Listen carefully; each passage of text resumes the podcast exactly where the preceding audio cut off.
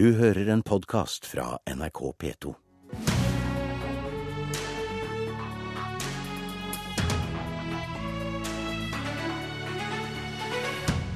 Kristelig Folkeparti har et enormt ansvar for at vi rekrutterer titalls mennesker, unge mennesker født og oppvokst i Norge, som reiser ut og slutter seg til terrororganisasjoner, driver med krigshandlinger, massakrerer barn. Nå er det nok, Per Sandberg.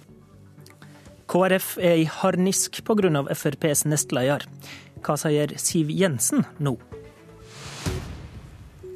Velkommen til Politisk kvarter, der du også skal få høre Høyre-ordføreren som ikke tror politireformen gir mer nærpoliti, i debatt med Justisdepartementet. Det er et knapt døgn siden FrPs nestleder Per Sandberg kom med påstandene om at KrF er ansvarlig for og har ønska ei utvikling der unge nordmenn med innvandrerbakgrunn deltar i krig og terror. Det er et halvt døgn siden KrF-leder Knut Arild Hareide rasende slo fast at KrF har fått nok. Politisk kvarter lurer på hva Frp-leder Siv Jensen sier nå. Hun hadde ikke praktisk høve til å komme hit, men tok imot oss utenfor heimen sin sent i går kveld. Vi spurte Siv Jensen om Per Sandberg er et problem for samarbeidet mellom regjeringa og KrF.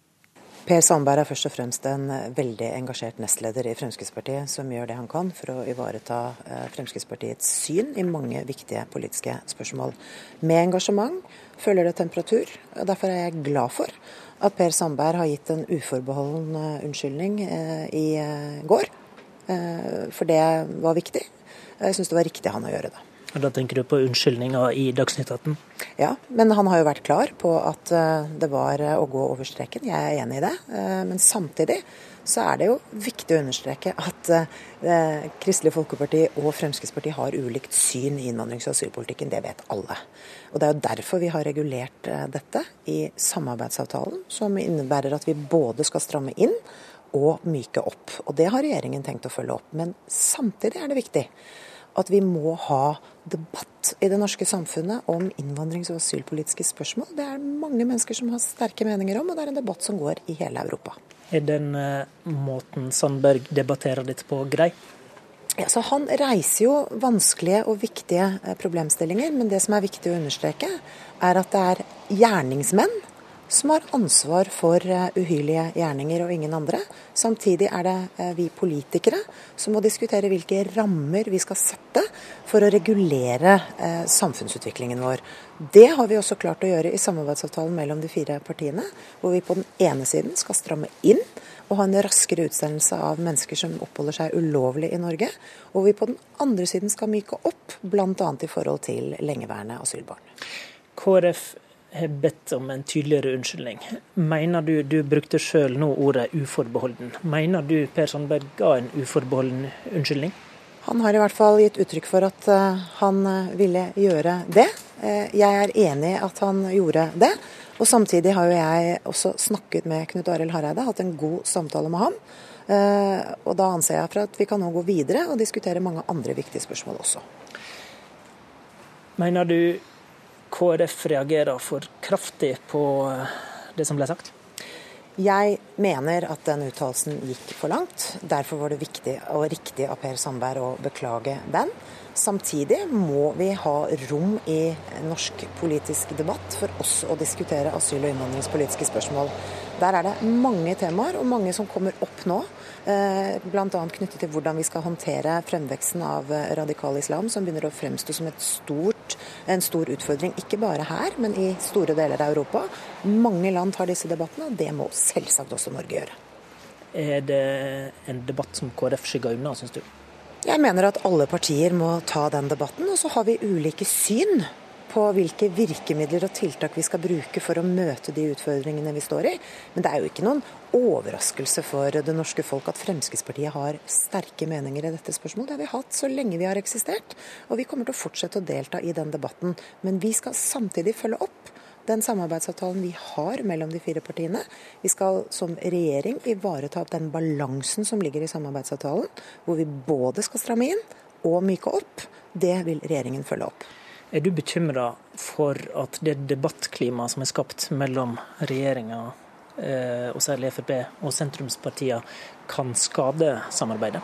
Det er i hvert fall viktig av oss alle fire eh, å ta et felles ansvar for og understreke alt det gode vi får til hver eneste dag. For vi bringer altså dette landet i en ny og konstruktiv retning på mange viktige områder. Eh, og så er det heller ingen tvil om at vi i en del saker har eh, politisk uenighet. Og da må vi kunne diskutere det på sak. Jeg lurte på om du var bekymra for samarbeidet? Jeg mener at det er mye godt i samarbeidet mellom de fire partiene som vi skal ta vare på. Det har vi alle fire et felles ansvar for å gjøre. Ba du Per Sandberg om å ordne opp med KrF? Per Sandberg har eh, gitt sin eh, klare og uforbeholdne beklagelse i dette, og det er jeg veldig glad for at han har gjort. Jeg har selvsagt snakket med Per Sandberg om dette eh, på samme måte som jeg også snakket med Knut Arild Hareide. Og så tenker jeg at vi nå må roe gemyttene ned og fortsette å utvikle god politikk til beste for eh, Norge fremover. Takk. Det sa altså Siv Jensen til Politisk kvarter i går kveld. Politisk kommentator i NRK, Lars Nehru Sand. Siv Jensen sier Sandberg gikk for langt. Har, har Frp da klart å legge denne ballen død? Ikke helt, eh, også fordi den skaper så eh, store bølger nedover i KrF og Venstres organisasjoner. Jeg tror nok ledelsene er eh, mer samkjørt nå enn de var for, for litt under et døgn siden. Men dette skaper noen inntrykk av regjeringssamarbeid og en kultur som både grasrota i partiene legger merke til, og det preges av at unnskyldningen fra, fra Per Sandberg har store forbehold, slik som KrF-lederen opplever det helt tydelig i hele går kveld. For Siv Jensen sier de har fått en unnskyldning, og at de to nå kan gå videre. Men det ser ikke så enkelt ut fra den andre sida? Nei, og Det er der dette begynner å handle mer om lederskapet til både Siv Jensen og på sikt også Erna Solberg, som må se at en av partilederne i samarbeidspartiene, Knut Arild Hareide, eh, er så kontant mot eh, Per Sandberg som han var på radio og TV i går. Eh, for de to partilederne i regjeringspartiene så handler det om hvilken kultur skal vi ha, hvordan forholder vi oss til hverandre, hvordan er tilliten og den personlige kjemien som vi bygde opp over, over år. Dette er ikke en krangel om søndagsåpne butikker hvor man er enig om å være politisk uenig, eller en budsjettkrangel om skattelette hvor man kanskje må file på beløpsstørrelser og, og, møtes på halvveien. Dette handler rett og slett om hva slags respekt man har for hverandre og hvordan man omtaler hverandre. Og Det er der man savner en Siv Jensen og Erna Solberg som, som er enda tydeligere på å sette eh, lederskapet på plass. Gjør dette debattklimaet at samarbeidet seriøst er oppe til vurdering i KrF? På kort sikt er det nok ikke det, men det er klart at eh, dette kommer til å bli huska i 2017 og, og påvirke Kristelig Folkepartis lyst til å eventuelt lage en ny samarbeidsavtale. Og så eh, bygger jo Knut Arild Hareide selv opp til eh, sin egen fallhøyde ved å si til Sandberg at nok er nok. For skulle det nå en gang til eh, komme et angrep fra Sandberg eh, på Kristelig Folkepartis gjennomslag eh, sammenlignet med deres størrelse eller noe annet, eh, ja, så må jo Hareide vite hvordan han skal i fremtiden forholde seg til både Sandberg som person, Frp som parti og regjeringsprosjektet som prosjekt. Men Sandberg sjøl, da? Står han støtt og trygt fortsatt i Frp? Ja, det gjør han. Jeg tror alle skjønner at han gikk for langt i går. Alle skjønner at beklagelsen var mislykka, men at han mister flertallet i landsmøtesalen sin, det virker svært lite sannsynlig nå.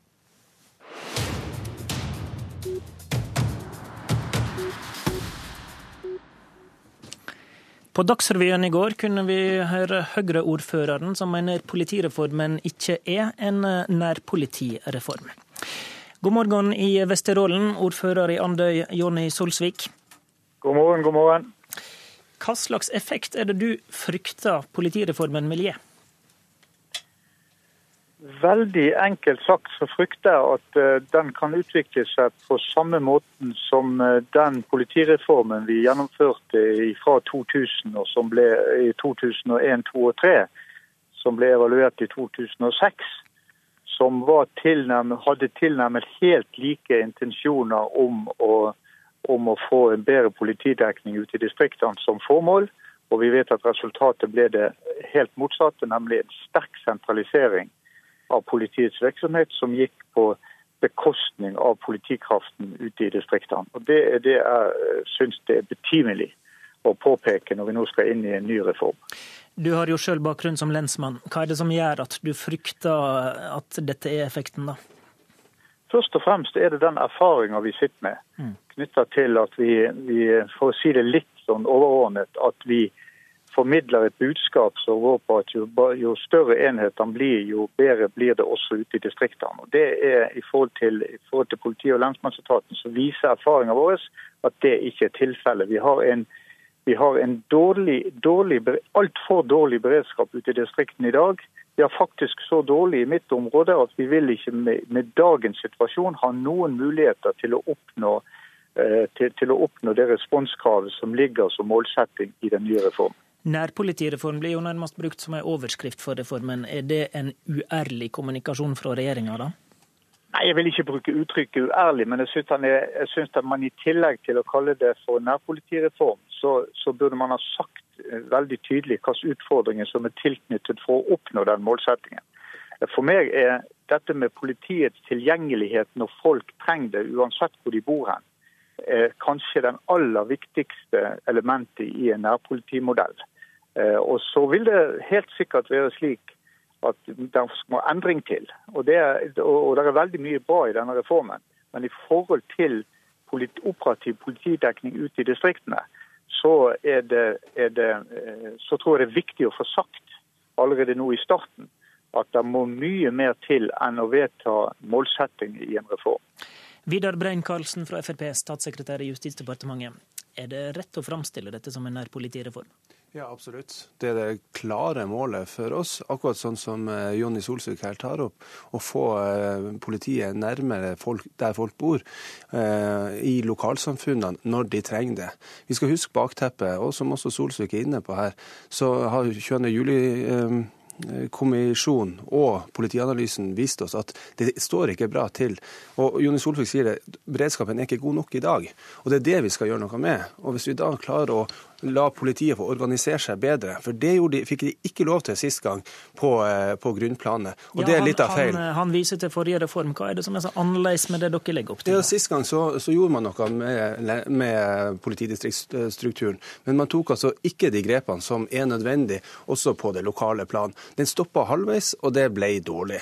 Nå skal vi gi politimesteren og politidirektøren en mulighet til å organisere oppgavene bedre, sånn at ikke lensmannen på Andøya sitter med en portefølje som er kjempestor av ulike forskjellige oppgaver, men vi skal eh, eh, samle de oppgavene sånn at enkelte blir veldig gode på det de skal gjøre. Kan det være at det er en forskjell fra forrige reform, Solsvik?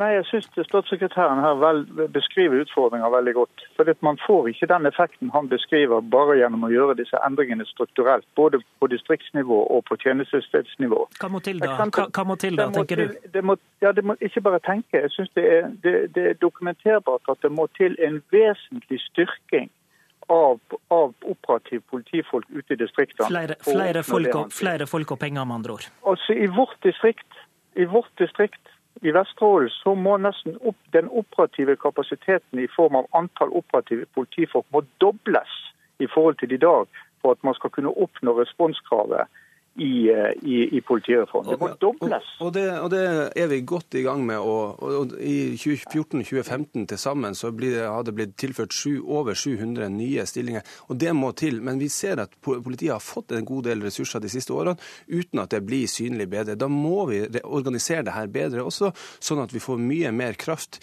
i de oppgavene som skal gjøres, og klare å få politifolk mye nærmere der folk bor. Det vil denne avtalen som vi har inngått med, med partiet partiene på Stortinget og, og, Venstre få til. Og jeg er helt sikker på at uh, Jonny Solsvik kommer til å oppleve mange flere politifolk i, i sitt nærmiljø i årene som kommer. Har du ikke tillit til det, Solsvik? Jo, Jeg har absolutt tillit til at man har et ønske om å gjennomføre det reformen. Mitt anliggende er å peke på at den reformen som jeg refererte til i stad, som ble igangsatt i 2000 der, Hvis ikke jeg husker helt feil, så var det, en, var det nærmest et enstemmig storting som sa at det vi nå gjør, vil medføre mer politikraft ute i distriktene. Og så viste evalueringa i 2006 at det gikk stikk motsatt vei. Vi får se hvordan det går denne gangen, Solsvik. Takk til deg, og takk til Vidar Brein Karlsen. I studio i dag var Håvard Grønli. Du har hørt en podkast fra NRK P2.